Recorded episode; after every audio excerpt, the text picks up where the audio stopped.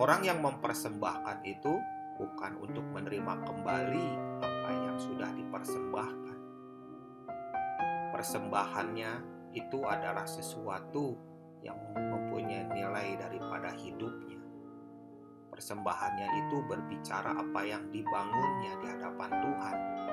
Persembahannya itu adalah berbicara tentang cinta kepada Tuhan. Jadi jelas berbeda. Orang yang menabur dengan orang yang mempersembahkan itu mempunyai dasar hati yang berbeda.